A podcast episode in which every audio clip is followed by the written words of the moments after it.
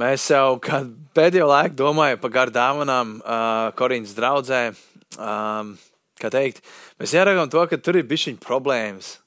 Un tagad mēs lasām Bībeli, mums liekas, ka uh, nu, viņi jau viss bija sapratuši un viņiem viss ir skaidrs, bet mēs redzam, ka viņiem bija problēma. Un šajā gadījumā mēs redzam, ka viņiem bija problēma, ka viņu uzsvars bija pārāk liels uz mēlēm, uz runāšanu mēlēs un pārāk maz uz pravietošanu. Pārāk liels uz mēlēm, pārāk maz uz pravietošanu, jeb dievu vārdu sludināšanu. Un tāpēc es vēlos, ka šajā rītā es, redziet, Es varētu paņemt un pateikt, ko es par tām lietām domāju, paņemt visas rakstītas kopā, bet šajā rītā īpaši es gribu paņemt visu šo 14 nodaļu, jo Pāvils runā uz mēlēm konkrēti šīs nodaļas kontekstā, jo daudz cits rakstvietas ir tikai viens pantiņš iesprausts, bet šeit, un tāpēc, ja jums ir bībeles, Ja tev nav bībele taustā mājās, bet tu gribētu, mums ir bībeles, ko dot par brīvu, lūdzu, pasaka, ka tev ir vajadzīga tāda, un mēs ar lielāko prieku tev uzdāvināsim. Bet es zinu, ka lielākā daļa no jums ir, un katrā ziņā jums ir iespēja arī mājā telefonos atvērt bībeles. Bet vislabāk ir paņemt taustām bībeli, atvērt 1. korintiešu vēstuli 14. nodaļu, jo mēs šajā uh, rītā iziesim cauri visai nodaļai. Un es tāpēc gribēšu, lai jūs sekojat līdzi pantiem, kuros uh, mēs skatīsimies.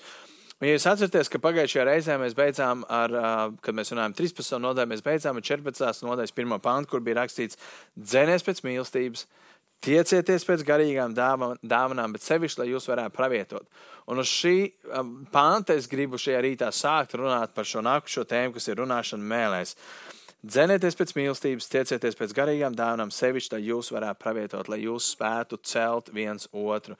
Un um, varbūt tās, tad, kad mēs lasīsim, jo es zinu, ka katram no jums ir priekšstats, un es zinu, ka katrs no mums ir kaut ko dzirdējis un tam līdzīgi, bet es gribu iedot tādu centrālo domu no paša sākuma, lai tad, kad mēs skatāmies, tu spēj to saredzēt. Nevis, ka es tev to saku, bet ka tu pats to ieraugi savā vārdā. Un pa lielam es gribu nolikt tādus divus pretstatus šajā rītā, proti, skaties uz to, ka mēlis ir par celšanu tev, pravietošana ir par celšanu citiem draudzēji. Tevs celšana, draudzes celšana. Uz to mēs skatīsimies šajā rītā vairāk. Un uh, lasam otro un trešo pantu. Notais un trešais pants runās par to, ka pravietošana un mēlis atšķiras no tā, uz ko tiek runāts. Mēlēs runātājs runā uz kādu, pravietojs runā, tā, runā uz kādu, līdz ar to mēls un pravietošana atšķiras no tā, izjūt, uz ko tas runā. Lasam otrais un trešais pants. Jo kas runā mēlēs, tas nerunā cilvēkiem, bet dievam. Jo neviens to nesaprot, viņš garā runā noslēpums. Bet kas pravieto, tas runā cilvēku celšanai, pamudināšanai un iepriecināšanai. Redzi, šeit mēs nonākam, kā rakstīts, ka tas, kurš runā mēlēs, un, un varbūt es pašā sākumā gribu pateikt kādu lietu. Um, Skaidrs, ka grieķu vārds glosālī, kas tiek tulkots kā mēls, ir tas pats vārds, kā, kas tiek tulkots arī kā valodas un tam līdzīgi. Un līdz ar to viens uzskats ir tāds, ka mēls tas konkrēti vienmēr ir konkrēti valoda, franču, spāņa un, un, un, un spāņu un krievu un jebkāda valoda sauc, grib mandarīnu valodu un zīzīt cilts un vienalga, jebkāda valoda, kādā cilvēka komunicē savā, savā starpā. Bet Un es zinu, ka ar mūsu draugai ir dažāds viedoklis par šo, es, par šo tēmu. Es lasot šo, uzreiz gribu pateikt, ka man ir pārliecība, ka ir mēlēs runāšana, kas varbūt nav konkrēti valoda, kur saprot cilvēki. Jo šeit pirmie 11 pānti runā par to, ka ir runāšana mēlēs, kur tu runā tikai dievam. Tur nerunā cilvēkam, tu runā tikai dievam. Tu pat nerunā sev, tu runā dievam, un dievs saprot to, ko tu pats pat nesaproti, ko dieva gars tev liek izrunāt. Un tas nav par celšanu nevienam citam citam, kā vienīgi tev, kaut gan tavs prāts paliek neauglīgs, bet tavs gars tiek celts. Un tos grib paturēt prātā, par kādām mēlēm mēs, ka mēs šeit runāsim, ko mēs šeit redzam. Jo te ir rakstīts, tas, kas runā mēlēs, viņš runā nevis cilvēkiem, bet dievam. Kāpēc? Jo neviens nesaprot, ko viņš runā.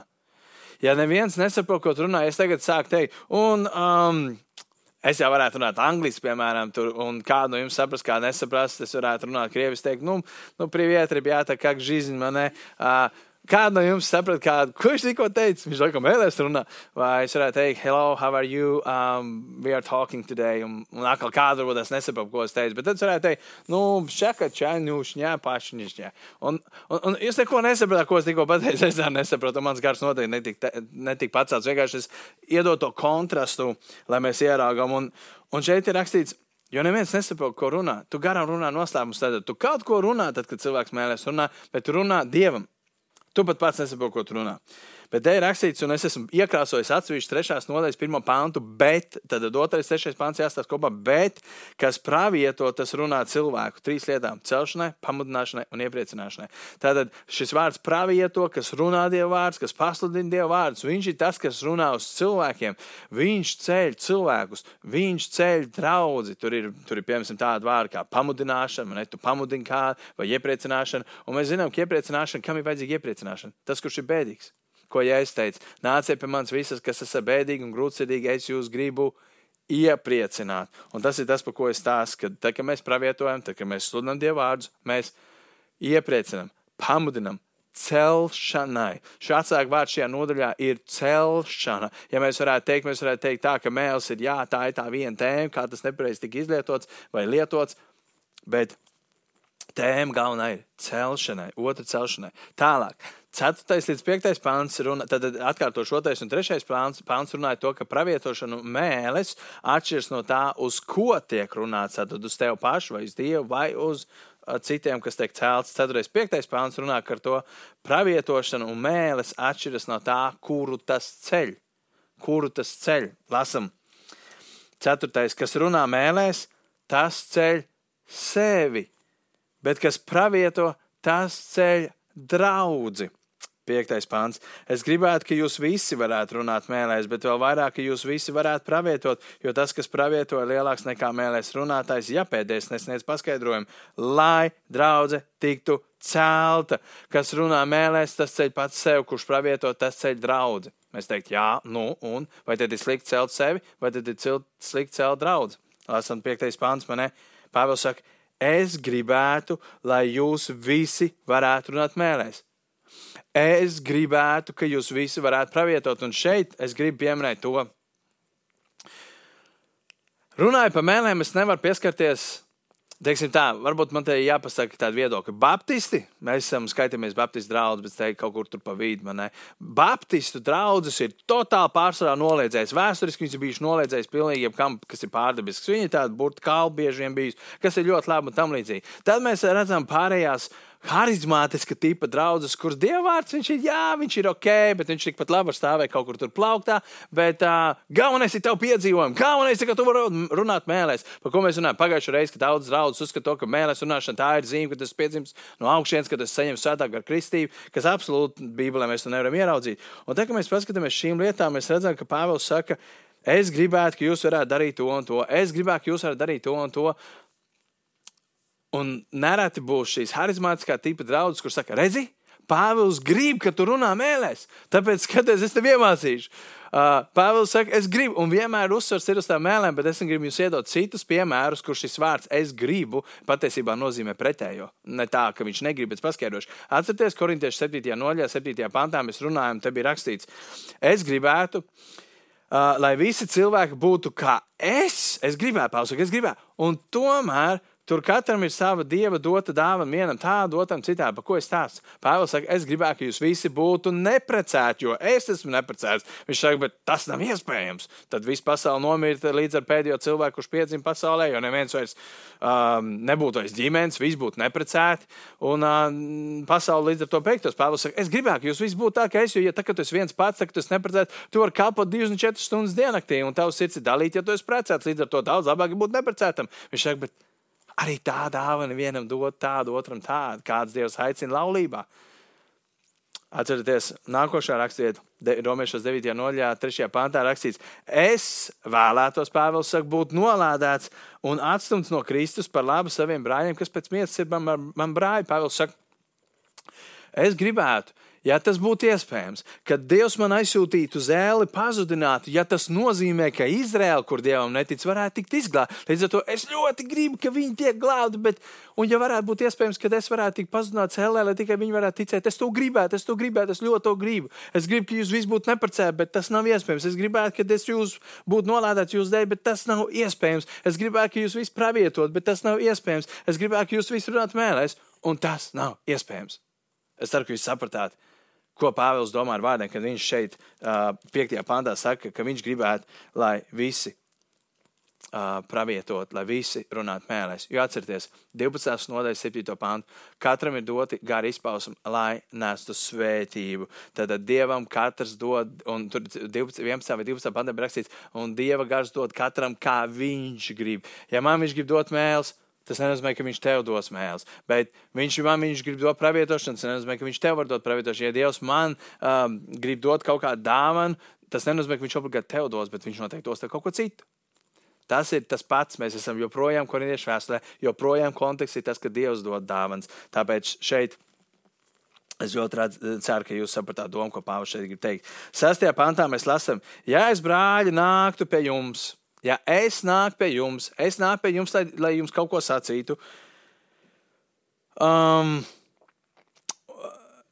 mēlēs runādams, ja es nāku pie jums, mēlēs runādams, ko tas jums palīdzētu, ja es jums nesludinātu nesdams jums atklāsmi, vai atziņu, vai pravietojumu, vai mācību. Ko tas jums palīdzētu? Atbildi ir neko. Viņš saka, ja es nāktu mēlēs, un, un, un ja mēs izlasām uzreiz 18. pāntā, 18. pāntā rakstīts, es pateicos savam dievam, kas vairāk nekā jūs visi runā mēlēs.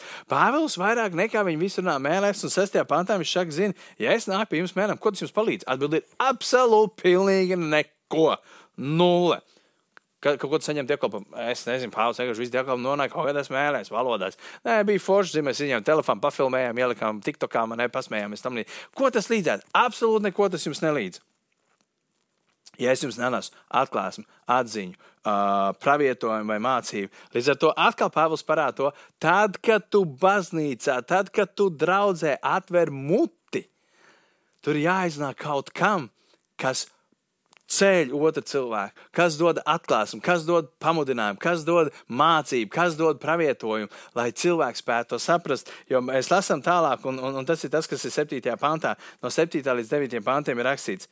Tas ir tāpat kā ar nedzīviem instrumentiem, vai tā būtu stabula vai cītara, kas izdod skaņas. Ja to skaņas nevarētu atšķirt, klausieties, kā lai saprastu, Stabuls vai cita spēle, un ja tauri izdod neskaidru skaņu, tad kas gatavosies karam? Tāpat arī, ja, ja jūs ar savu muti neteiksiet skaidrus vārdus, kā lai saprotu runāto, jūs būsiet vējā runājuši. Man liekas, brīnišķīgs kontrasts. Viņš saka, runā tā, lai tevi saprot. Ja, ja tu nerunās tā, ka tevi saprot, tad kā lai cilvēki gatavojas, ja paklaus tam, ko tu saki. Ja cilvēks dzīvo grēkā un tu viņam grib pateikt, latvietim zini, man liekas, ka tu Es varbūt atkal nedaudz jums liksiet, kas iesmē, bet tas vienkārši, lai jūs labāk uztvērtu. Ja, piemēram, Latvijam gribētu pateikt, Latvijam viņš nemāk nevienu citu valodu, uh, un tu zini, ka viņš dzīvo, piemēram, grēkā, milzīgā grēkā, un tu viņam pienāc un saki, klausies, Jāni, uh, Ну, я хотел тебе сказать, что, знаешь, ну, Бог мне сказал, что у тебя там а, такой большой грех есть, да, тебе надо покаяться.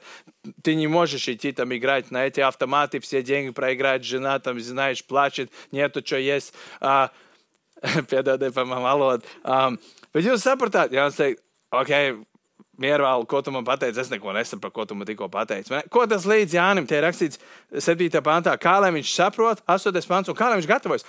Kā lai tas Jānis um, uh, var gatavoties, ja nožēlot, ja pārstāt spēlēt instrumentus, ja viņam instruments, uh, automātus, ja viņam 7. pantā viņš nesaprata, ko viņam pateica. Tas ir tas, ko Pāvils grib pateikt. Viņš saka, Davidam, tāpat arī jūs, ja ar mēlu neteiksiet skaidrus vārdus cilvēkam saprotamā valodā, tad kā lai saprotu, jūs būsiet vējā runājuši.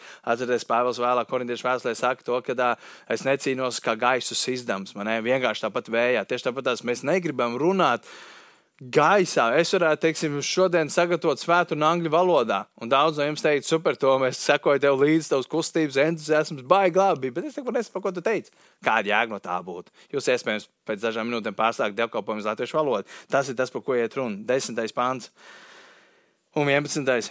Pasaulē, kā zināms, ir daudz dažādu valodu, un nav nekā bez valodas. Tas ir vecais tūkojums. Man patīk, šajā, šajā nu, kā jaunais tūkojums tiek iztūkots. Tur ir rakstīts, ka pasaulē ir tik neaptverami daudz valodu, un neviena no valodām nav bez nozīmes. Tas ir tas, par ko es stāstu. Dievs ir radījis visas valodas. Dievs ir radījis komunikācijas veidu. Dievs ir radījis valodu, lai mēs spētu komunicēt. Valoda ir viena no lietām, ko lingvististi uh, vienkārši atzīst to, ka. Uh, cilvēks nevarēja pats radīt valodu. Tas ir kaut kas pārdabisks.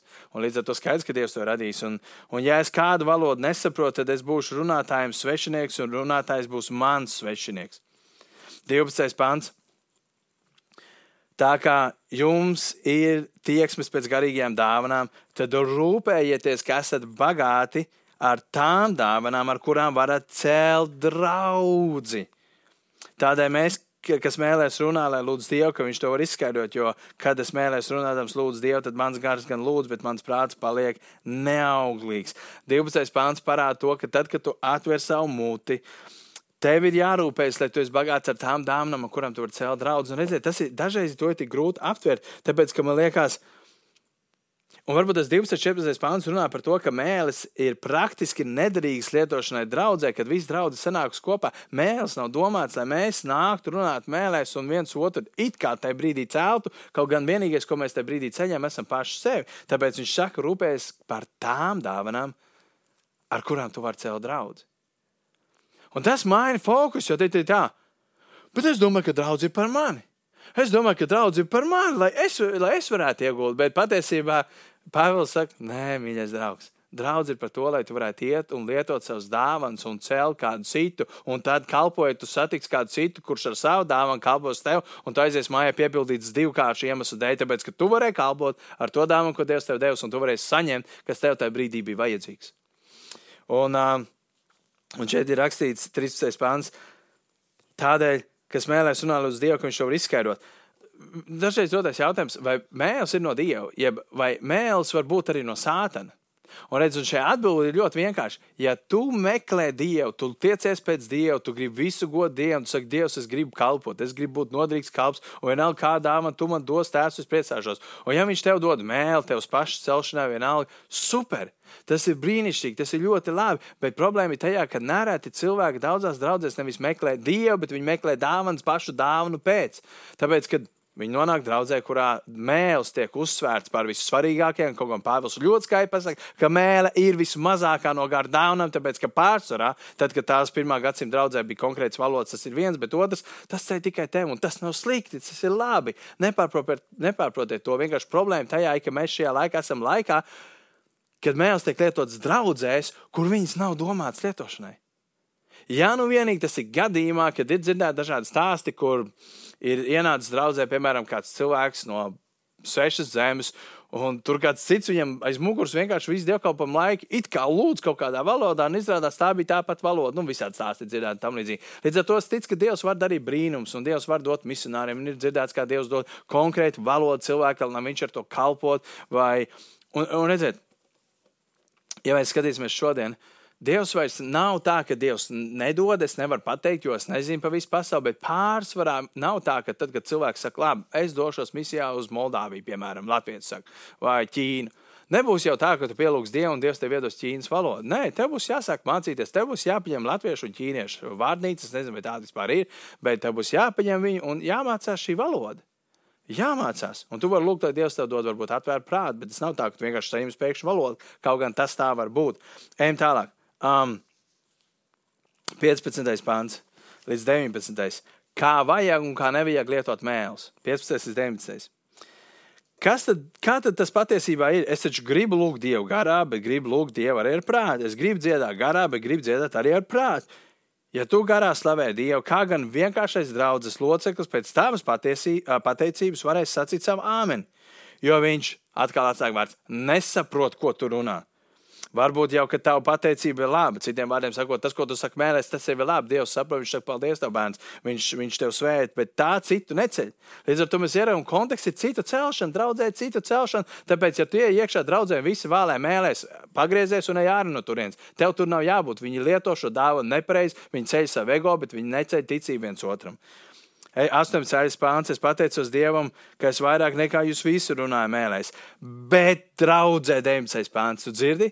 18. pāns vairāk nekā visi runā mēlēs. Kur Pāvils runā mēlēs? Tad, kad viņš lūdz Dievu, tad, kad viņš iespējams ir savā kambarī, tad, kad viņš pielūdz savu Dievu savā kambarī, viņš runā mēlēs, un viņš saka, es vairāk nekā jūs visi runājat mēlēs.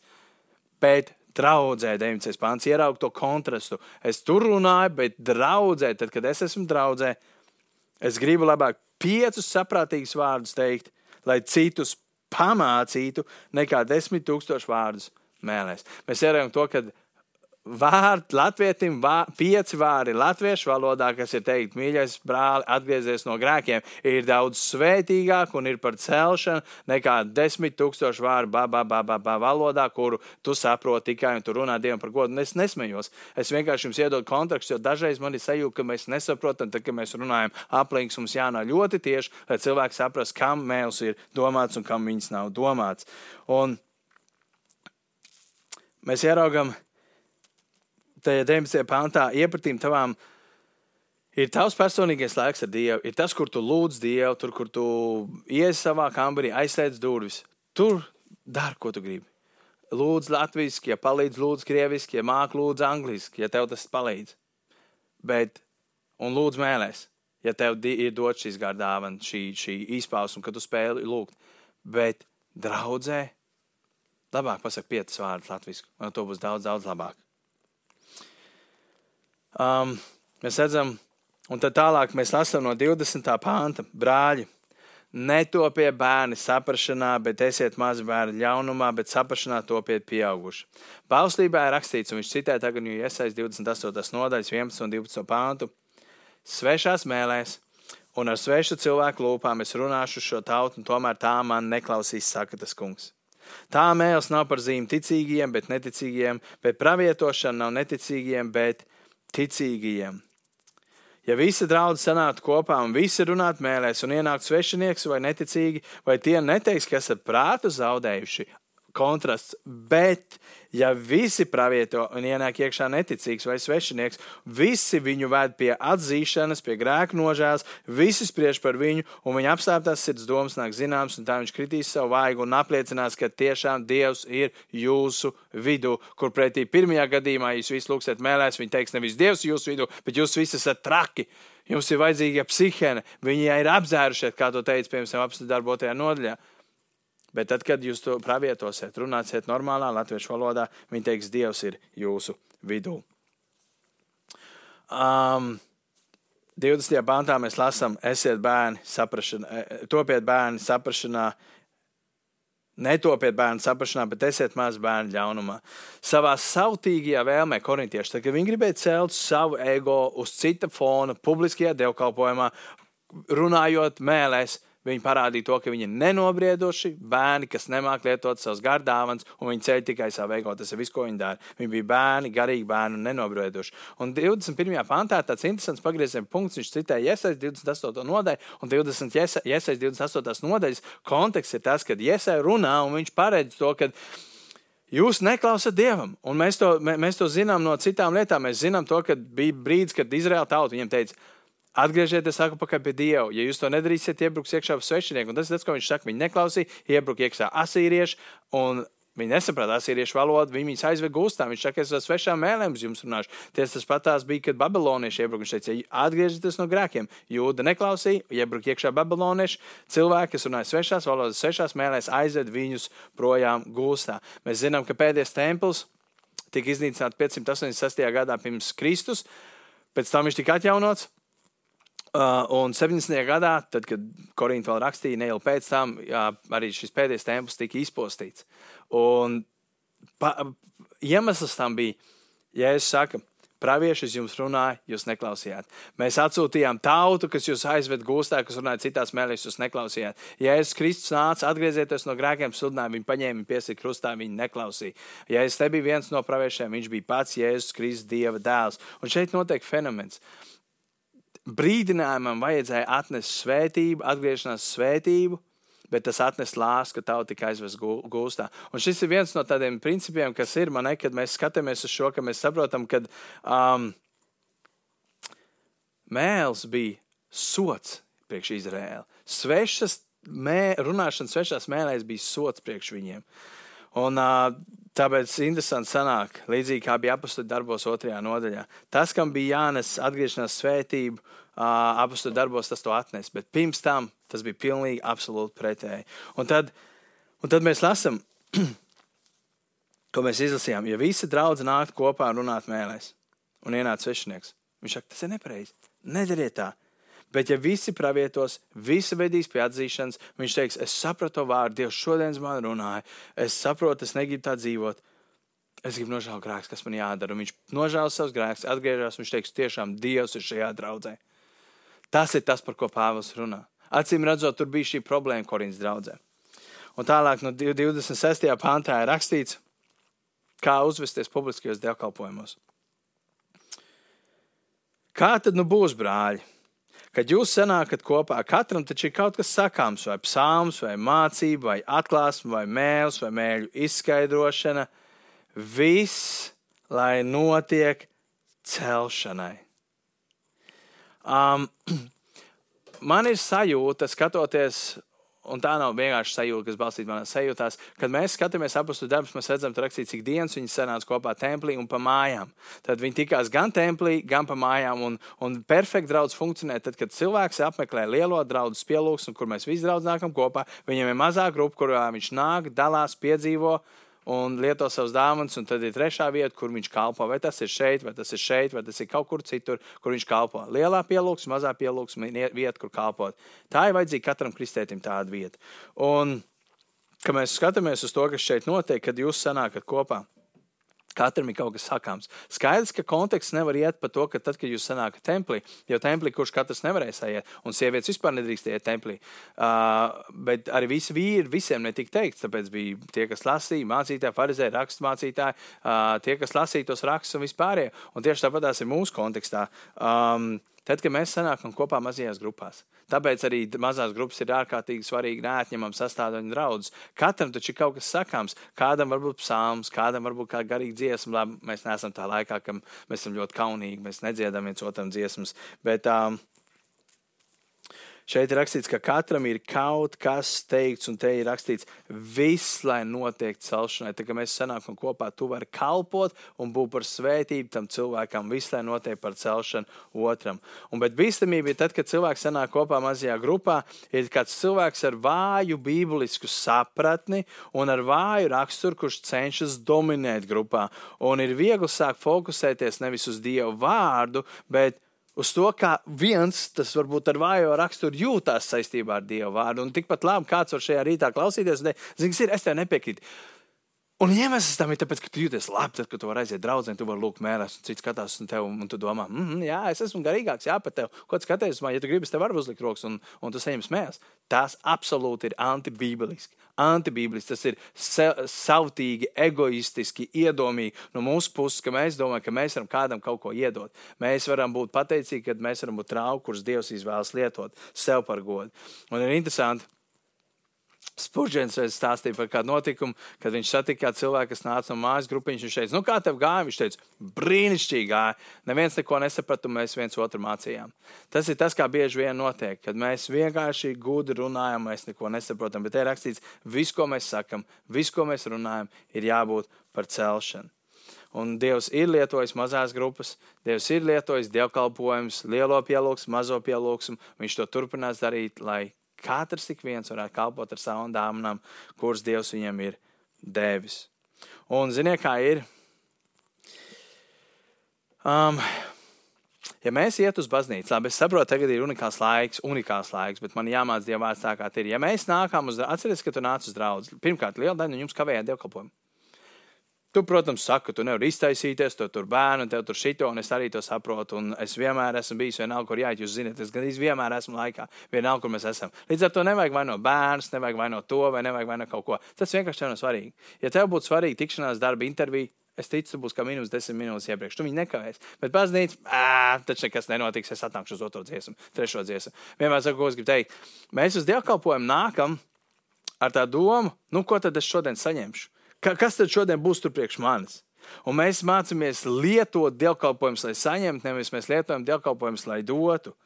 Un, uh, Tas, kas mums būtu jādara, tad, kad mēs nākam uz dievkalpojumu, es teiktu, ok, Dievs, es šodien braukšu, lai es būtu baznīcā 15 minūtes pirms dievkalpojuma, un lūdzu, lieto mani. Tēvs, vai ir kaut kāds veids, kā tu vari lietot manas dāvanas, varbūt es kādu satikšu rītā pirms dievkalpojuma, kuram, kur es varu svētīt. 15 minūtes pirms dievkalpojuma tu brauks, lai tu esi laicīgi, lai tu varētu kādam kalpot. Un tu teiksi, Dievs, nevis es skriešu projām ar āmeni, līdz ko būs āmeni, vai minūti pirms āmeni, bet es palikšu pusstundu ilgāk. Es varbūt mēģināšu skatīties, kuram, ar kur es varu parunāt, kurš varbūt ir noskums vai ja vienalga kāda tev dāvana, es palikšu pusstundu ilgāk, lai kalpo kādam. Ar šādu domāšana mums būtu jānāk uz dievkalpojumu. Nevis, uh, jā, bija ok, tā mūzika, jā, tā viena dziesma man nepatīk. Tā, nē, nē, man tur bija šis ritms pātri. Ai, viņš tur nogorījās, ne tā, man tas tā, ai, Toms ar šodien. Man vispār tā tēma nesēs. Kā tas saka, viņš par to, no, kāpēc viņš par to nevarēja runāt? Ah, bērni tur bļaustījās, un tas tur nepatīk, man saules spīdīja acīs ārprāts. Būsim godīgi, tas ir tas, kā bieži vien tu uzvedies. Tā vietā, lai teiktu, Dievs, kā es varu būt lietots, kā es varu būt rīks tavās rokās. Tāpēc meklē iespējas, kā lūgt par kādu, iedrošināt kādu, palīdzēt kādam, satikties ar kādu un mīlēt kādu. 26. pāntā ir rakstīts, kā tad nu būs brāļi un pats spējīgs rakstīts viss, lai notiek celšanai. Tas nozīmē, ka kopā sanākšanas mērķis nav, lai tu tiktu izklaidā, izklaidēts, kopā sanākšanas mērķis nav, lai tu paliktu apmierināts ar dievkalpojumu. Tas arī nav, lai tu saņemtu svētību. Jā, lai ar daudz domāju, es gribu iet uz dievkalpojumu, lai saņemtu svētību. Tas nav tas, kāpēc tu nāc uz dievkalpojumu. Mēs nākam, lai mēs tiktu celti ticībā, lai mana ticība tiktu celta, lai es garīgi varētu augt, lai tad, kad es izēju ārpus draudzes, es varētu lietot tās dāvanas, kuras Dievs man ir devis devis. Tas ir tas, kā mums jāmaina. Varbūt kādam tas nozīmē pilnīgi 180 grādu pagrieziens par to, kā tu redzēji dievkalpojumu. Un iespējams, iemesls, kāpēc cilvēki dažreiz ēd šodien var nepaskatīties dievkalpojumu, zina, kāpēc ir tāda attieksme. Tāpēc, ka mm, man ir ok, es šodien negribu neko saņemt. Uh, bet tā domāšana nav, ko es varu dot. Un, protams, es saprotu, skatoties mājās dievkalpojumu, ko tu vari dot. Bet varbūt tas tu vari, ko es aicināju no rīta, uh, uzaicini kādu pie sevis pēc tam pārunā. Nevis vienkārši, ah, es negribu. Bet tu vari lietot tādā veidā. Um, 27. un 28. pāns. Ja mēlēs runāt, tad lai uzstājas divi, ja daudz, trīs un cits pēc cita, un viens lai tulko. Un, ja nav kas tulko, tad lai tie cieš klusu draudzē un lai runā tik sev un dievam. Es nesaprotu, cik skaidri Pāvils var uzrakstīt. Cilvēku uzsēž uz rakstiem. Pāvils teica, ka visi grib, lai runā mēlēs.